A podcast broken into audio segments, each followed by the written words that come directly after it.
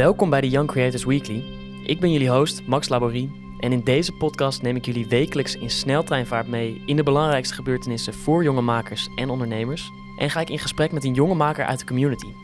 En vandaag met niet zomaar iemand uit de community, nee, de grote baas zelf, Stan Schalij. Stan is sinds 2016 chairman van de board van Young Creators en heeft in die tijd teams en processen geleid, conferenties georganiseerd en een community lopende gehouden. In 2020 ging dat natuurlijk met iets meer horten en stoten dan normaal. Dus ik ben benieuwd hoe hij van plan is 2021 een succesvol jaar voor Young Creators te maken. En waarom deel zijn van het team van Young Creators nou zo leuk is. Ik vraag het Stan in deze aflevering van de Young Creators Weekly.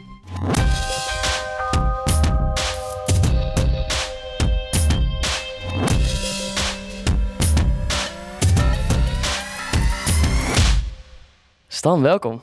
Dankjewel. Ja, je hebt natuurlijk uh, vanaf de geboorte van de Young Creators Weekly heb je het proces nauw gevolgd. Je hebt meegedacht over het format, je hebt gasten uitgenodigd, uh, je hebt mij geholpen met script schrijven. Ga zo maar door. En nu zit je eindelijk tegenover mij op de grote podcaststoel. Ja. Hoe voelt dat? Heb je er een beetje zin in? Ik heb er heel veel zin in. Het voelt ook licht ongemakkelijk. Ik hou van controle en dat is iets minder zo op deze manier. Je moet nu alle controle aan mij geven. Precies. Maar je hebt er wel vertrouwen in, toch? Ik ben in goede handen. Laten we dan gewoon gelijk beginnen. Hey, ik denk dat er een hoop mensen uit de community zijn die, um, die bij de naam Stan Schalei hooguit een gezicht voor de geest kunnen halen. En niet veel meer dan dat. Dus het lijkt me eigenlijk wel leuk om te beginnen door even, ja, gewoon even uit te pluizen wie Stan Schalei nou eigenlijk is. Dus ik ga je gewoon heel, heel, een paar heel basale vragen stellen. En allereerst ben ik eigenlijk wel benieuwd, ben je nog wel een young creator te noemen? Hoe oud ben je eigenlijk? Ik ben 25. Dat is nog best jong. Dat hangt eraf van wie het, uh, aan wie je het vraagt. Maar uh, ja, dat, uh, dat is nog best jong. Oké, okay, dus young creator kan je jezelf nog wel noemen? Ja, zeker. Oké, okay. en, en waar kom je vandaan? Waar ben je opgegroeid? Ik ben geboren in Almere. En daarna naar Eindhoven gegaan. dat was toen ten opzichte van Almere een flinke upgrade. Maar nu ik een tijdje in Amsterdam woon... nog een upgrade. Wil ik voorlopig nergens anders naartoe, inderdaad. en Almere, ik, ik heb altijd een beetje... Ja, ik word er bijna een beetje depressief van als ik over Almere denk. Hoe, hoe kijk jij daar tegenaan? Ja, ik, dat hoor je heel veel. Ik ben het er niet helemaal mee eens. Ik vind het ergens iets waar we als Nederland misschien ook wel heel trots op zouden moeten zijn. Want? Nou, het is waanzinnig om te bedenken eigenlijk dat heel Flevoland 50 jaar geleden gewoon een stuk zee was. We daar een gigantisch stuk land van gemaakt hebben, waar nu, wat is het, 300, 400.000 mensen wonen. En nog heel veel meer mensen gaan wonen. Dus dat vind ik heel gaaf. Aan de andere kant is Almere wel, en dat is waar heel veel van die feedback vandaan komt natuurlijk, een vrij zieloze stad. Daar heb je er heel veel van in Nederland, maar er is maar eentje zo groot als Almere. En dat is waarom Almere op die manier bekend staat. Beetje zieloos dus, maar liep er wel ondernemende types rond? Heb je daar een beetje, is daar jouw hart voor ondernemen een beetje ontstaan? Of denk je... Nee, nee dat was altijd een, een vrij grote frustratie. Dat dat terugkijkend, dat Almere zo'n saaie stad was waar ook heel weinig inspiratie was. En iedereen gewoon maar een beetje normaal moest doen. Uh, voetbal gaan, middelbare school doorlopen, bedrijfskunde studeren en dan, uh, weet ik veel, accountmanager worden bij uh, de ING of zo. Ja, dus misschien juist daarom wel juist motiverend om uit Almere weg te gaan en de wijde wereld in te gaan. Ja, al, al had ik, nee ja, bij mij niet op die manier in elk geval. Oké. Okay. Maar je kwam in, in ieder geval uiteindelijk in Eindhoven terecht. Daar ja. ben je gaan studeren. Wat, heb je daar gedaan? Ik heb een aantal keer ge, gepoogd te studeren. Ik ben begonnen met technische bedrijfskunde. Waarvan ik er na een half jaar ongeveer achter kwam dat het best een leuke studie was. Maar ja, na een half jaar had ik nul studiepunten en uh, was het BSA halen vrijwel onmogelijk geworden. Dus uh, dat heb ik toen moeten stopzetten. En toen daarna? Uh, toen ben ik nog een keer gaan proberen met studeren. Dat is technische informatica geworden. Dat vond ik geen leuke studie. Dus toen ben ik gestopt. En toen nooit meer weer begonnen? Of nou, heb je ja, nog een derde poging gewacht? Ja, toen in die tijd ben ik wel al een beetje beginnen met ondernemen. En toen vond ik technische bedrijfskunde vond ik ook echt nog wel een leuke studie. Dus toen dacht ik, dat ga ik op hbo-niveau doen.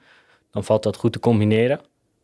Um, maar dat viel uiteindelijk niet zo goed te combineren. Met, met je ondernemersbezigheden uh, ja. dus? Ja, ja. Dus ik was in die tijd was ik al hackathons aan het organiseren. Um, en ook al langzaam een beetje met young creators betrokken aan het raken. En dat was heel veel in Amsterdam. En mijn hbo was in Eindhoven. En inhoudelijk en qua uitdaging viel dat goed te combineren. Maar het HBO had heel veel verplichting uh, om aanwezig te zijn. Ja, dat, dat was niet te doen, dat heen en weer reizen. Ja, en je noemt al een paar dingen waar ik het straks nog even over wil hebben. Die hackathons en Young Creators natuurlijk. Maar ik weet ook, ik, heb natuurlijk wel eens eerder met jou gepraat. En ehm, jij hebt me wel eens verteld dat, dat, dat je erg blij bent met je keuze om gewoon te stoppen met het studeren. Kan je daar nog wat meer over vertellen? Waar- waarom ben je daar zo blij mee?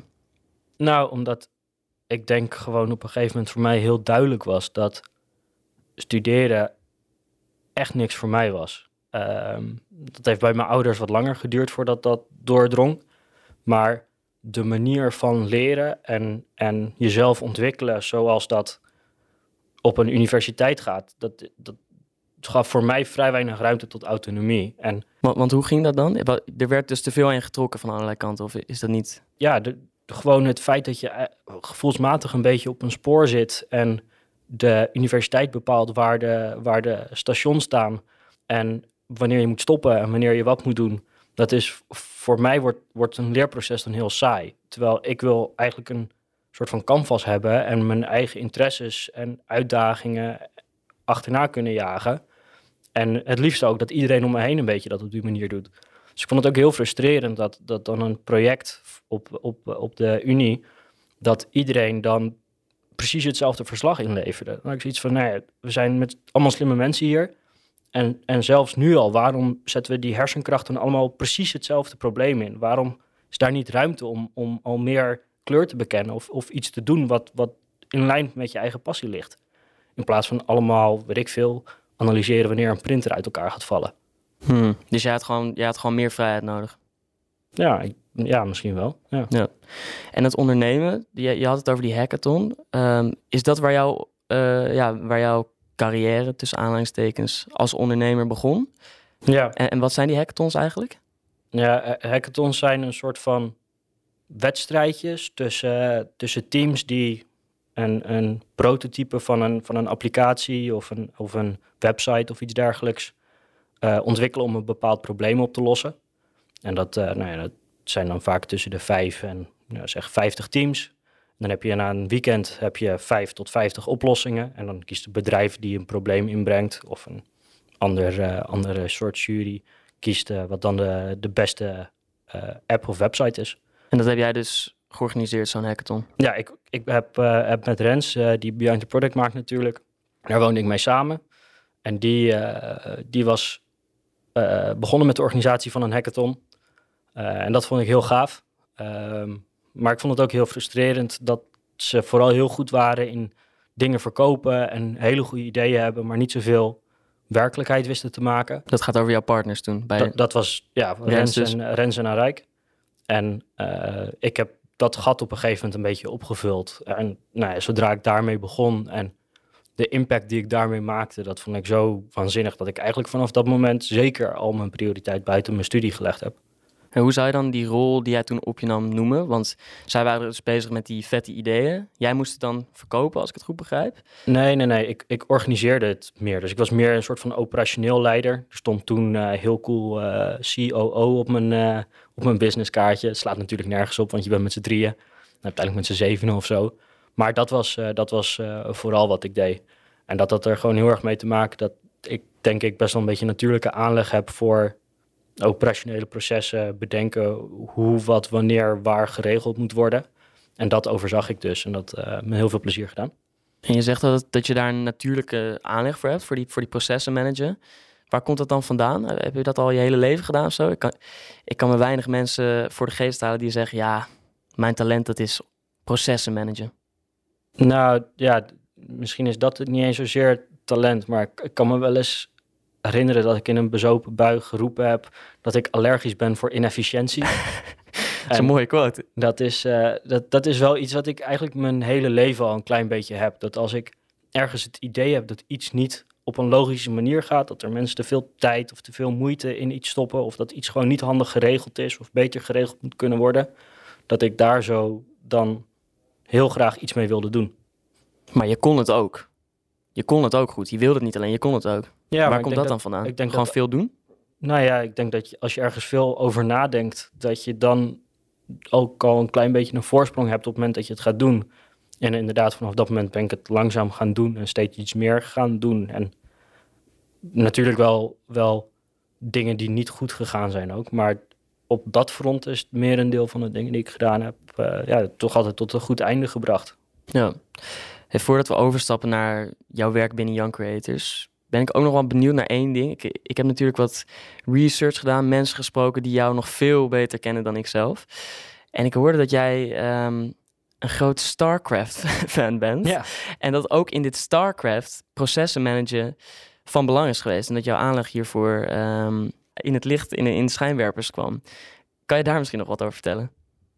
Ja, nou, ik, ik denk StarCraft is er een voorbeeld van. Maar ik heb en het is natuurlijk een spel. Ik, ik ben het is, het is uh, Age of Empires zullen, zullen het grootste gedeelte van de luisteraars wel kennen. Het is eigenlijk Age of Empires, maar dan in de ruimte en een flinke tik sneller.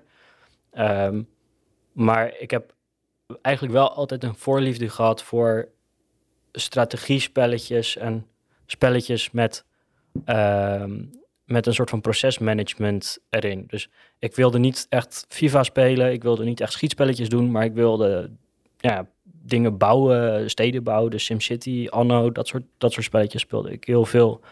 En een deel van de vaardigheden die je daarop doet, die zijn ook zeker van toepassing op uh, het echte leven. Ja. Dus eigenlijk dat, dat, dat procesmanagen, dat, dat deed je overal. Dat deed je zowel in je vrije tijd bij dingen die je leuk vond. Of nou ja, dat is niet om te zeggen dat je hackathons organiseren niet leuk vond. Maar in je, in je vrije tijd deed je het. En in je werk deed je het dus ook. Ja, ja dat heeft wel wat van elkaar weg. Ja. Hey, en op een gegeven moment uh, ben je dus inderdaad naar Amsterdam gegaan. En ben je uh, in contact gekomen met Young Creators. Hoe, hoe is dat eigenlijk gegaan? Hoe, hoe was de eerste aanraking met Young Creators voor jou? Uh, dat is wederom via Rens uh, geweest. Ik heb een, ik heb Rens, een, ik heb een hoop aan, uh, aan Rens te danken gehad. Zeker mijn eerste, eerste stapjes op dit gebied. Maar die, we waren toen met Fusehack bezig, onze eerste grote hackathon. En Rens die kende de oprichter van Young Creators een beetje en Young Creators in de breedte een beetje. En die heeft me toen gewoon een keertje meegenomen naar, naar een borrel. En ik was toen uh, heel erg onder de indruk van alles. Uh, grote namen uh, die, die een verhaal vertelden. Iedereen die eigen bedrijven had. En ik had zoiets van, wauw, ik wil hier eigenlijk ook wel heel graag bij horen. Dus toen ben ik naar huis gegaan. En na, een hele leuke avond. En nou ja, zoals ik dat... dus open? Nou, misschien wel. En nou ja, op die manier steeds vaker dingen van Young Creators gezien. Young Creators heeft toen uh, uh, Robert, de oprichter van Young Creators, die heeft besloten om te helpen met Fusehack ook. En op die manier heb ik Young Creators wat beter leren kennen. En op een gegeven moment uh, een soort van verlegen aangeboden dat ik wel wilde helpen met, met dingen doen voor, voor YC. Dat was dus nog heel breed, gewoon iets doen voor Young Creators. Ja, dat, dat, ik, ik had gewoon zoiets van, hey, ik moet, moet mijn, mijn, mijn ik moet moeite doen en dan komt het vanzelf wel goed. Dan ontstaat er vanzelf wel ruimte. Dus er waren toen uh, de inbox was, was volledig uh, overlopen met, uh, met allerlei reacties en mails en, en aanvragen. Zeg, joh, die, die ruim ik wel op. En ook met, met evenementjes en borrels en zo was het ook altijd van, joh, ik help wel even op het einde. Of blijf even hangen. En op die manier mezelf een beetje in de kijker gespeeld. Naar binnen geslijmd. Nou, niet, nee, juist niet. Naar binnen gewerkt. Ik nee, ben, ben, niet zo van het naar binnen slijmen, maar wel heel erg van het naar binnen werken. Wat heb je dan, want ik neem aan, je bent op een gegeven moment chairman geworden. Daar gaan we het straks over hebben. Maar in de tussentijd neem ik aan dat je ook wel andere functies hebt bekleed of, of rollen hebt uitgeoefend. Wat, wat heb je nog meer gedaan dan in de tussentijd? Ja, ik ben, ik ben eerst, uh, dat is een heel logische transitie geweest, vanaf die hackathons, wat natuurlijk eigenlijk gewoon grote evenementen zijn, ben ik chief events geworden. Toen de tijd heette dat nog niet zo, want dat is een, een structuur die daarna gekomen is.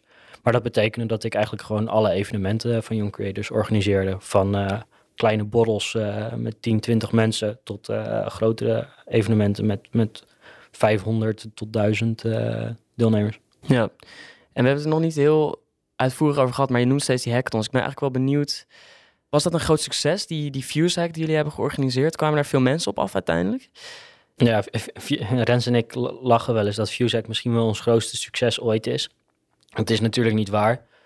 Maar ik denk wel dat het in die tijd, 2015, een soort van het evenement was waar echt een heel groot deel van, van de harde kern van Young Creators en van de mensen die ik nu nog steeds als vrienden reken, uh, naartoe gekomen zijn. Um, en alle andere hackathons daarna, nou ja, die zijn... Daar heeft heel veel leuke evenementen tussen gezeten. Eh, dat is ook, ik heb er zelfs nog een bedrijfje op, uh, op, op, opgezet met, uh, met een oude collega van Young Creators, hackathons.nl. En dat gaat ook allemaal hartstikke goed. Daar ben je nog steeds mee bezig? Nou ja, COVID heeft natuurlijk wel wat in die markt gedaan ook. Dus dat staat nu redelijk stil. Maar tot een jaar geleden deden we daar af en toe een hackathon mee. Ja. Oh ja. Hey, Oké, dus je was uiteindelijk chief events. En kon je hier ook al een beetje van je aanleg in uh, processen manager kwijt? Of, um, of, of had je het idee dat er nog iets, dat je nog een stapje hoger moest? Nee, ik, de ik denk dat ik een bar zou kunnen bemannen uh, of, of, of een gebouw zou kunnen schoonmaken. En ik zou kunnen nadenken over hoe dat het meest efficiënt zou kunnen gaan. En, uh, dus, dus dat kan in meerdere rollen. Dus dat kon als events ook prima. Ik denk dat ik wel vanuit events steeds meer op een soort van strategisch niveau aan het meedenken was uh, over young creators. En gewoon young creators en de community steeds beter leren kennen natuurlijk. Ja. Ja, ik ben eigenlijk wel benieuwd. We hebben het natuurlijk over young creators. En iedereen heeft wel een beetje een idee wat het is. Ik bedoel, er is een, er is een Facebookgroep met 32.000 leden. Er is een website. Um, er zijn podcasts. Je luistert er naar één. Maar ja, wat is nou eigenlijk in essentie young creators? Hoe leg je aan iemand uit wat young creators is? Ik maak vrij snel het onderscheid tussen de community en de stichting. Dus ik zeg altijd, het is primair een community. Dat wil zeggen dat het gewoon een hele grote groep jonge, ambitieuze, nieuwsgierige, behulpzame, ondernemende mensen zijn. Die, uh, die allemaal iets nastreven en die, die elkaar daarin gevonden hebben. En nou ja, als je zo'n grote groep met, met dezelfde interesses hebt, dan is het heel logisch om daar dingen voor te organiseren. Uh, en om uh, problemen die zo'n groep ervaart weg te nemen. En dat is eigenlijk waar de, waar de stichting geboren is. Dus eerst was er een community en daarna ontstond er de stichting. Ja. Oké, dat is wel verduidelijk. Want de stichting die organiseert dus de, de conferenties, de borrels, de, de, de podcasts worden door de stichting geleid. Ja, nou, de, de stichting heeft als doelstelling, en dat is heel abstract, dat is Expresso, heeft als doelstelling om het makkelijker te maken om een succesvol ondernemend leven te leiden als, als jonge Nederlander. En dat is expres heel vaag, omdat wij ook doorhebben dat we allemaal ouder worden en dat met de tijd die verandert ook de uitdagingen van, van jonge ondernemers weer veranderen. Dus dat betekent dat we in het verleden zelfs nog veel met de KVK en banken gesproken hebben over wat er moest veranderen op, op regelgevinggebied om het makkelijker te maken om op je zeventiende een bedrijf te beginnen bijvoorbeeld. Daarna hebben we een hoop evenementen zelf georganiseerd. Maar we zien nu dat er heel veel evenementen georganiseerd worden door allerlei andere partijen. En dus kiezen we om iets meer een faciliterende rol te spelen.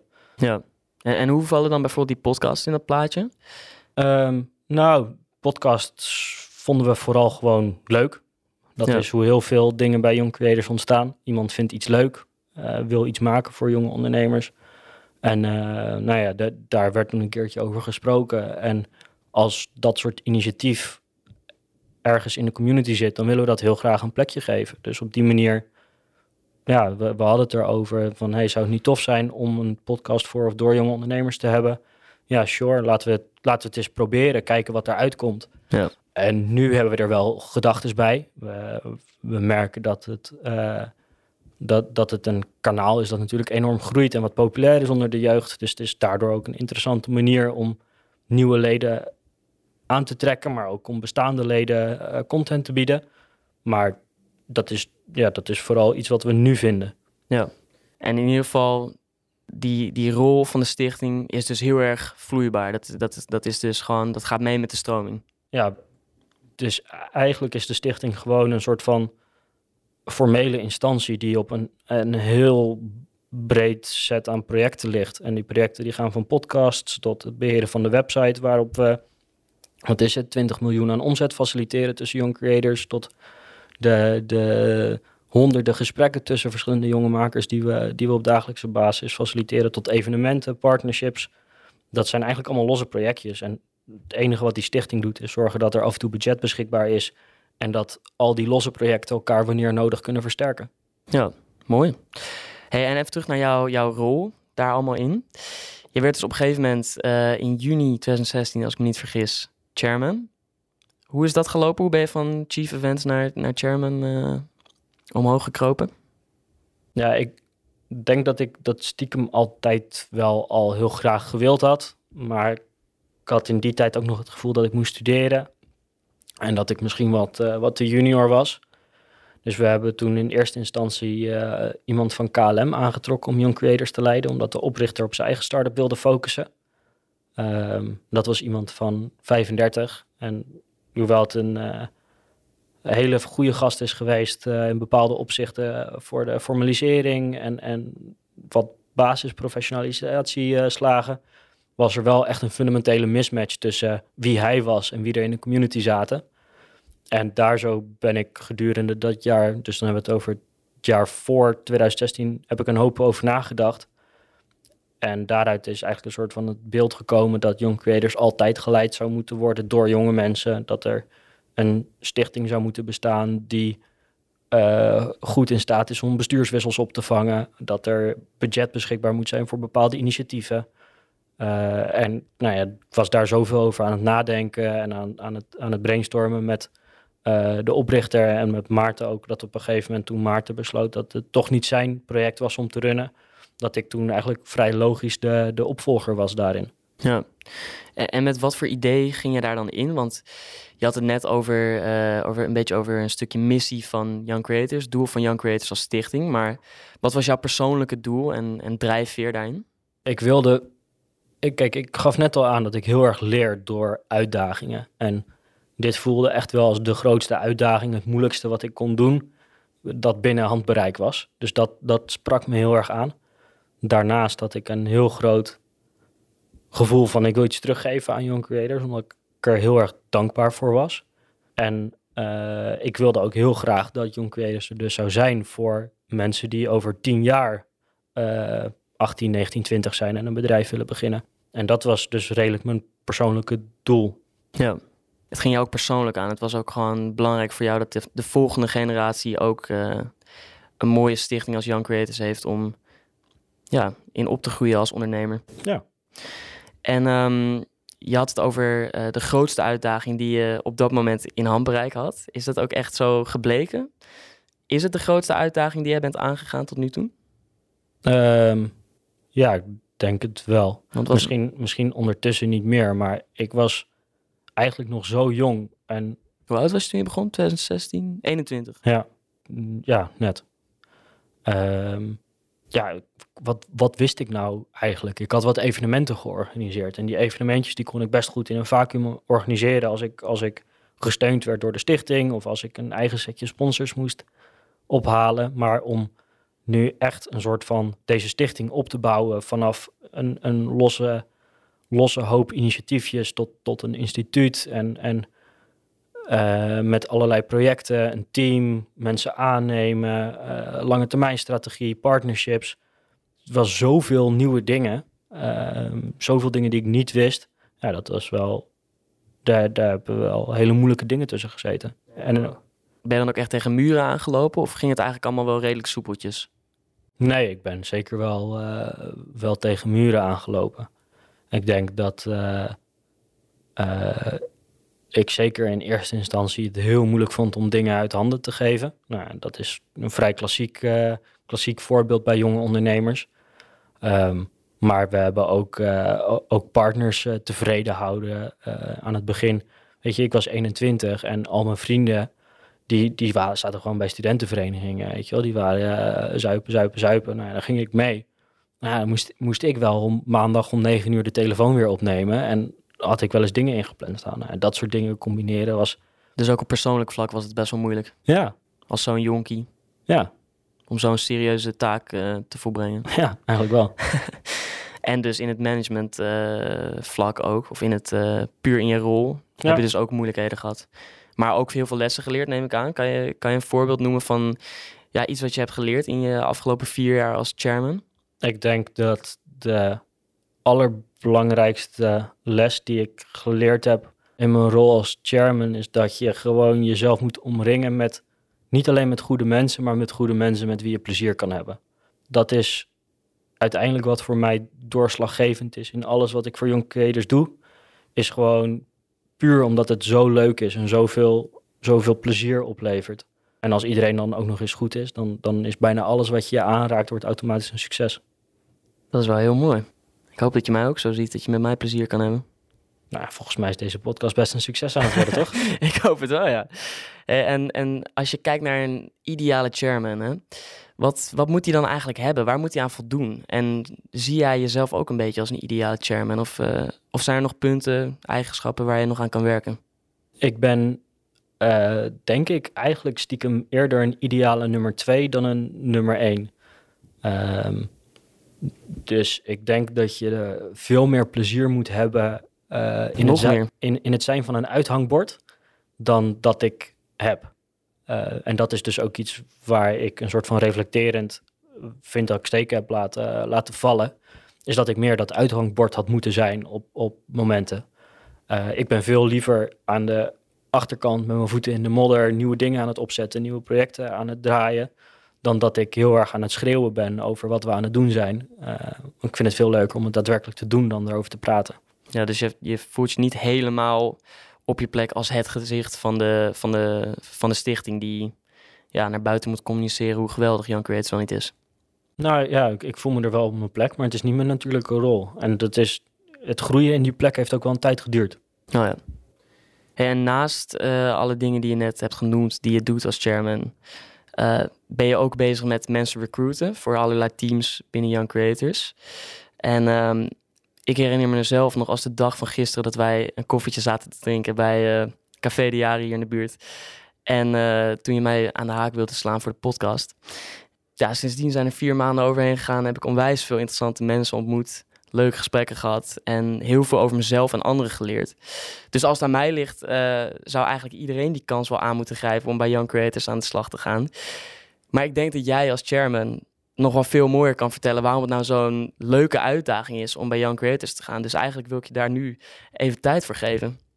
Ik denk dat het niet voor iedereen weggelegd is, maar ik denk dat als je het gevoel wil hebben dat je iets tofs kan organiseren. En dan gaat dat echt in de allerbreedste zin van het woord. Van, uh, van evenementen tot, tot een product ontwikkelen, tot media maken. Op het moment dat je zoiets graag zou willen doen, zoiets je cool lijkt, maar je weet niet zo goed hoe je moet beginnen, waar je moet beginnen.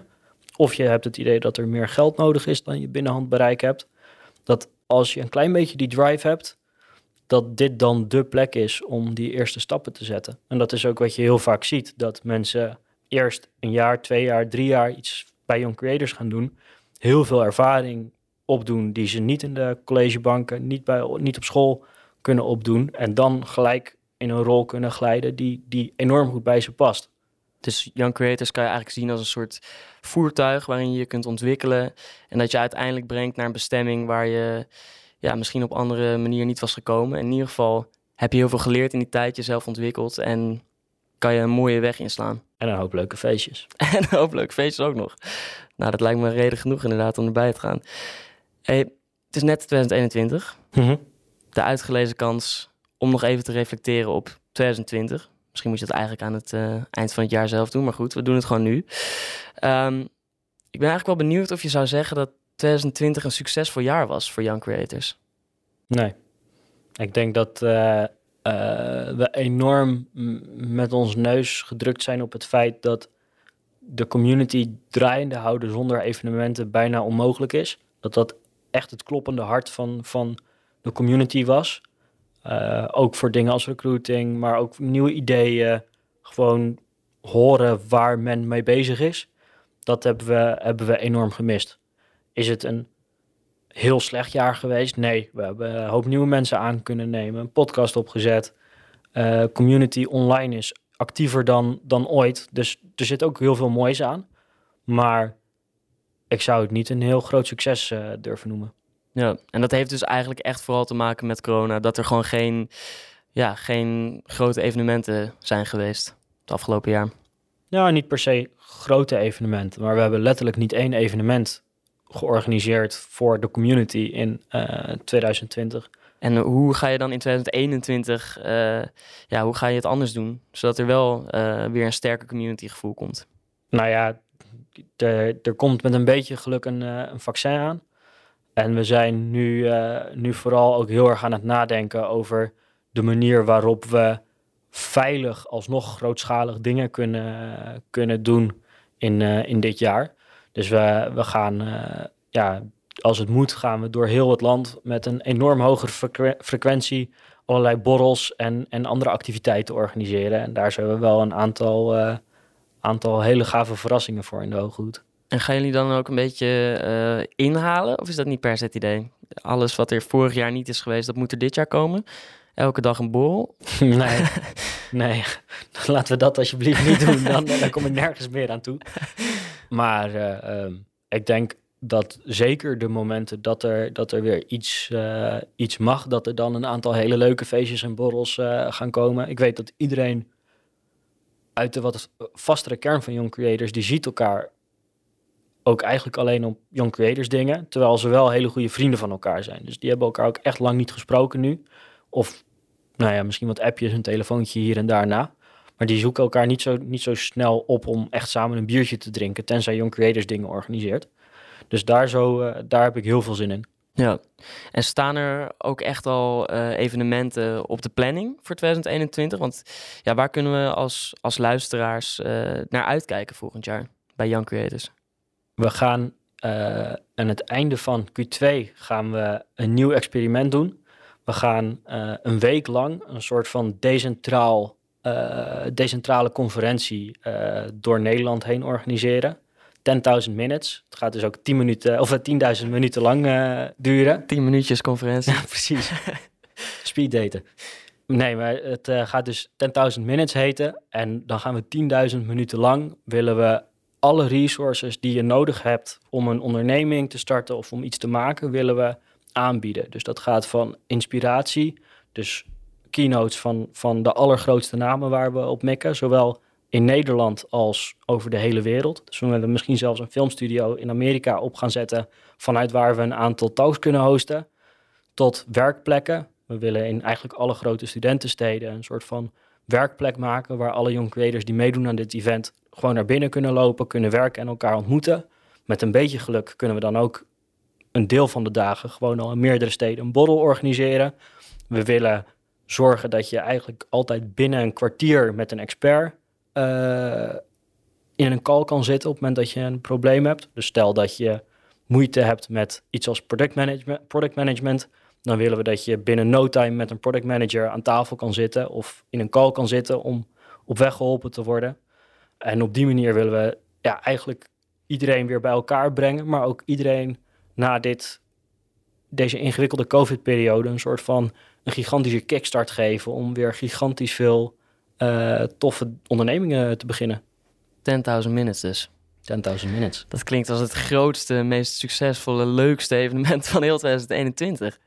Nou ja, we gaan ons best doen. Ja, we kijken naar uit. Einde van Q2 dus. Ja. Dus zo rond uh, juni. Ongeveer, misschien ietsjes eerder. Hartstikke leuk. Hey, afsluitende vraag, want we hebben niet uh, de hele dag de tijd natuurlijk. Wat kan de Young Creators Community uh, voor jou betekenen om 2021 een geslaagd jaar te maken, Stan? Um, ik vraag het natuurlijk altijd. Misschien is het nu een beetje gek om aan meneer Young Creators te vragen wat, wat de community voor hem kan doen. Maar... Nee, ja, de community kan natuurlijk superveel voor mij doen. Uh, ik denk dat er voor, voor, voor mij twee dingen heel belangrijk zijn. En uh, de een is feedback op letterlijk alles wat we doen. Dus van onze evenementen tot, tot de website, op alle manieren. Tot deze podcast? Tot deze podcast. Daarnaast zijn we natuurlijk ook altijd op zoek naar mensen die gewoon heel graag dingen willen leren en dingen willen organiseren, goede ideeën hebben. En ja, als je denkt dat je een goed idee hebt uh, voor andere jonge ondernemers, maar het niet helemaal weet uit te voeren, uh, pitch het gewoon. Stuur een mailtje, hey, dit is mijn idee, ik heb er zoveel duizend euro voor nodig en dit en dit is moeilijk en dit en dit kan het opleveren. Dan gaan we gewoon zorgen dat het waarheid wordt. Feedback en ideeën dus. Feedback en ideeën. En misschien wat collegaatjes erbij. Nou ja, vrienden. Vrienden. Stan, dankjewel. Geen probleem. Ik vond het erg leuk dat je er was. Super. En dan het nieuws. 2020 zit er natuurlijk op. En dat betekent dat we weer allemaal goede voornemens opschrijven die we na één dag alweer opgeven. Mijn goede voornemen is dat ik dit jaar 21 boeken wil gaan lezen. En ik ben hard op weg om mijn eerste boek van het jaar, De Broers Karamazov van Dostoevsky, een absolute aanrader trouwens, uit te lezen. Maar als je helemaal geen zin hebt in een roman van duizend bladzijden en meer baat denkt te hebben bij een boek over ondernemen, kan je je bijvoorbeeld wagen aan Leiderschap in de digitale wereld, De Slag om Hema, Business Model Shift of een van de andere boeken op MT Sprouts top 10 businessboeken van 2020. Je vindt ze allemaal in de show notes. Voor veel mensen was afgelopen jaar een rampjaar, maar de Nederlandse start-up wereld is er in 2020 alleen maar op vooruit gegaan. Dat is te zien aan het recordbedrag dat vorig jaar door Nederlandse start-ups werd opgehaald. Wel geteld 1,7 miljard. En daar zullen ongetwijfeld Young Creators miljoentjes tussen zitten. We verwachten allemaal veel van 2021 in de hoop dat het ook maar ietsje beter dan 2020 wordt. Maar veel is ook nog onzeker.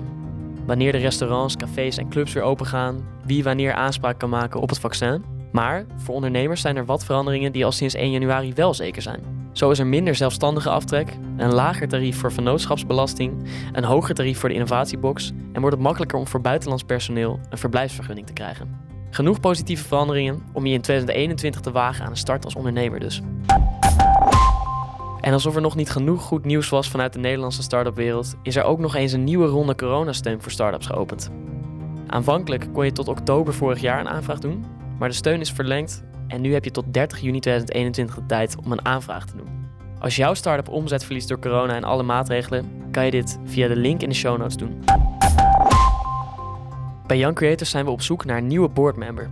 Iemand die als chief online zich in wilt gaan zetten om de community naar een nog hoger niveau te tillen. Als chief online ben jij iemand die strategisch kan nadenken, maar niet bang is zijn handen fel te maken. Een enorme leergierigheid is belangrijker dan een uitgebreid cv, al is enige ervaring met het managen van een community, online platforms, digitale communicatie of strategisch nadenken wel fijn. Meer info en een link kan je vinden in de bio. Daarnaast zijn we voor het gloednieuwe Team Publish op zoek naar een enthousiaste designer die samen met ons kleur wil gaan geven aan de uiteenlopende ideeën die we in 2021 op willen gaan pakken. Ben of ken jij de persoon die we zoeken? Check dan even de vacature op de website via de link in de bio. En de T500 is terug van weg geweest. De lijst met de 500 beste prestaties in 2020 op het gebied van tech, media of ondernemen. Dus ben jij onder de 26 en heb jij of heeft iemand in jouw omgeving iets super tofs gedaan afgelopen jaar? Meld je dan nu aan via de link in de show notes. Dat was alweer de eerste Young Creators Weekly van het nieuwe jaar. Beste wensen nog overigens. Ik vond het erg leuk om Stan eens een keer te spreken met een microfoon onder zijn neus. Ik denk dat er heel veel wijsheden uit zijn gekomen. En volgende week ben ik er natuurlijk gewoon weer. Dan ga ik met Suzanne de Jongste van ZJ Advies in gesprek. Tot dan.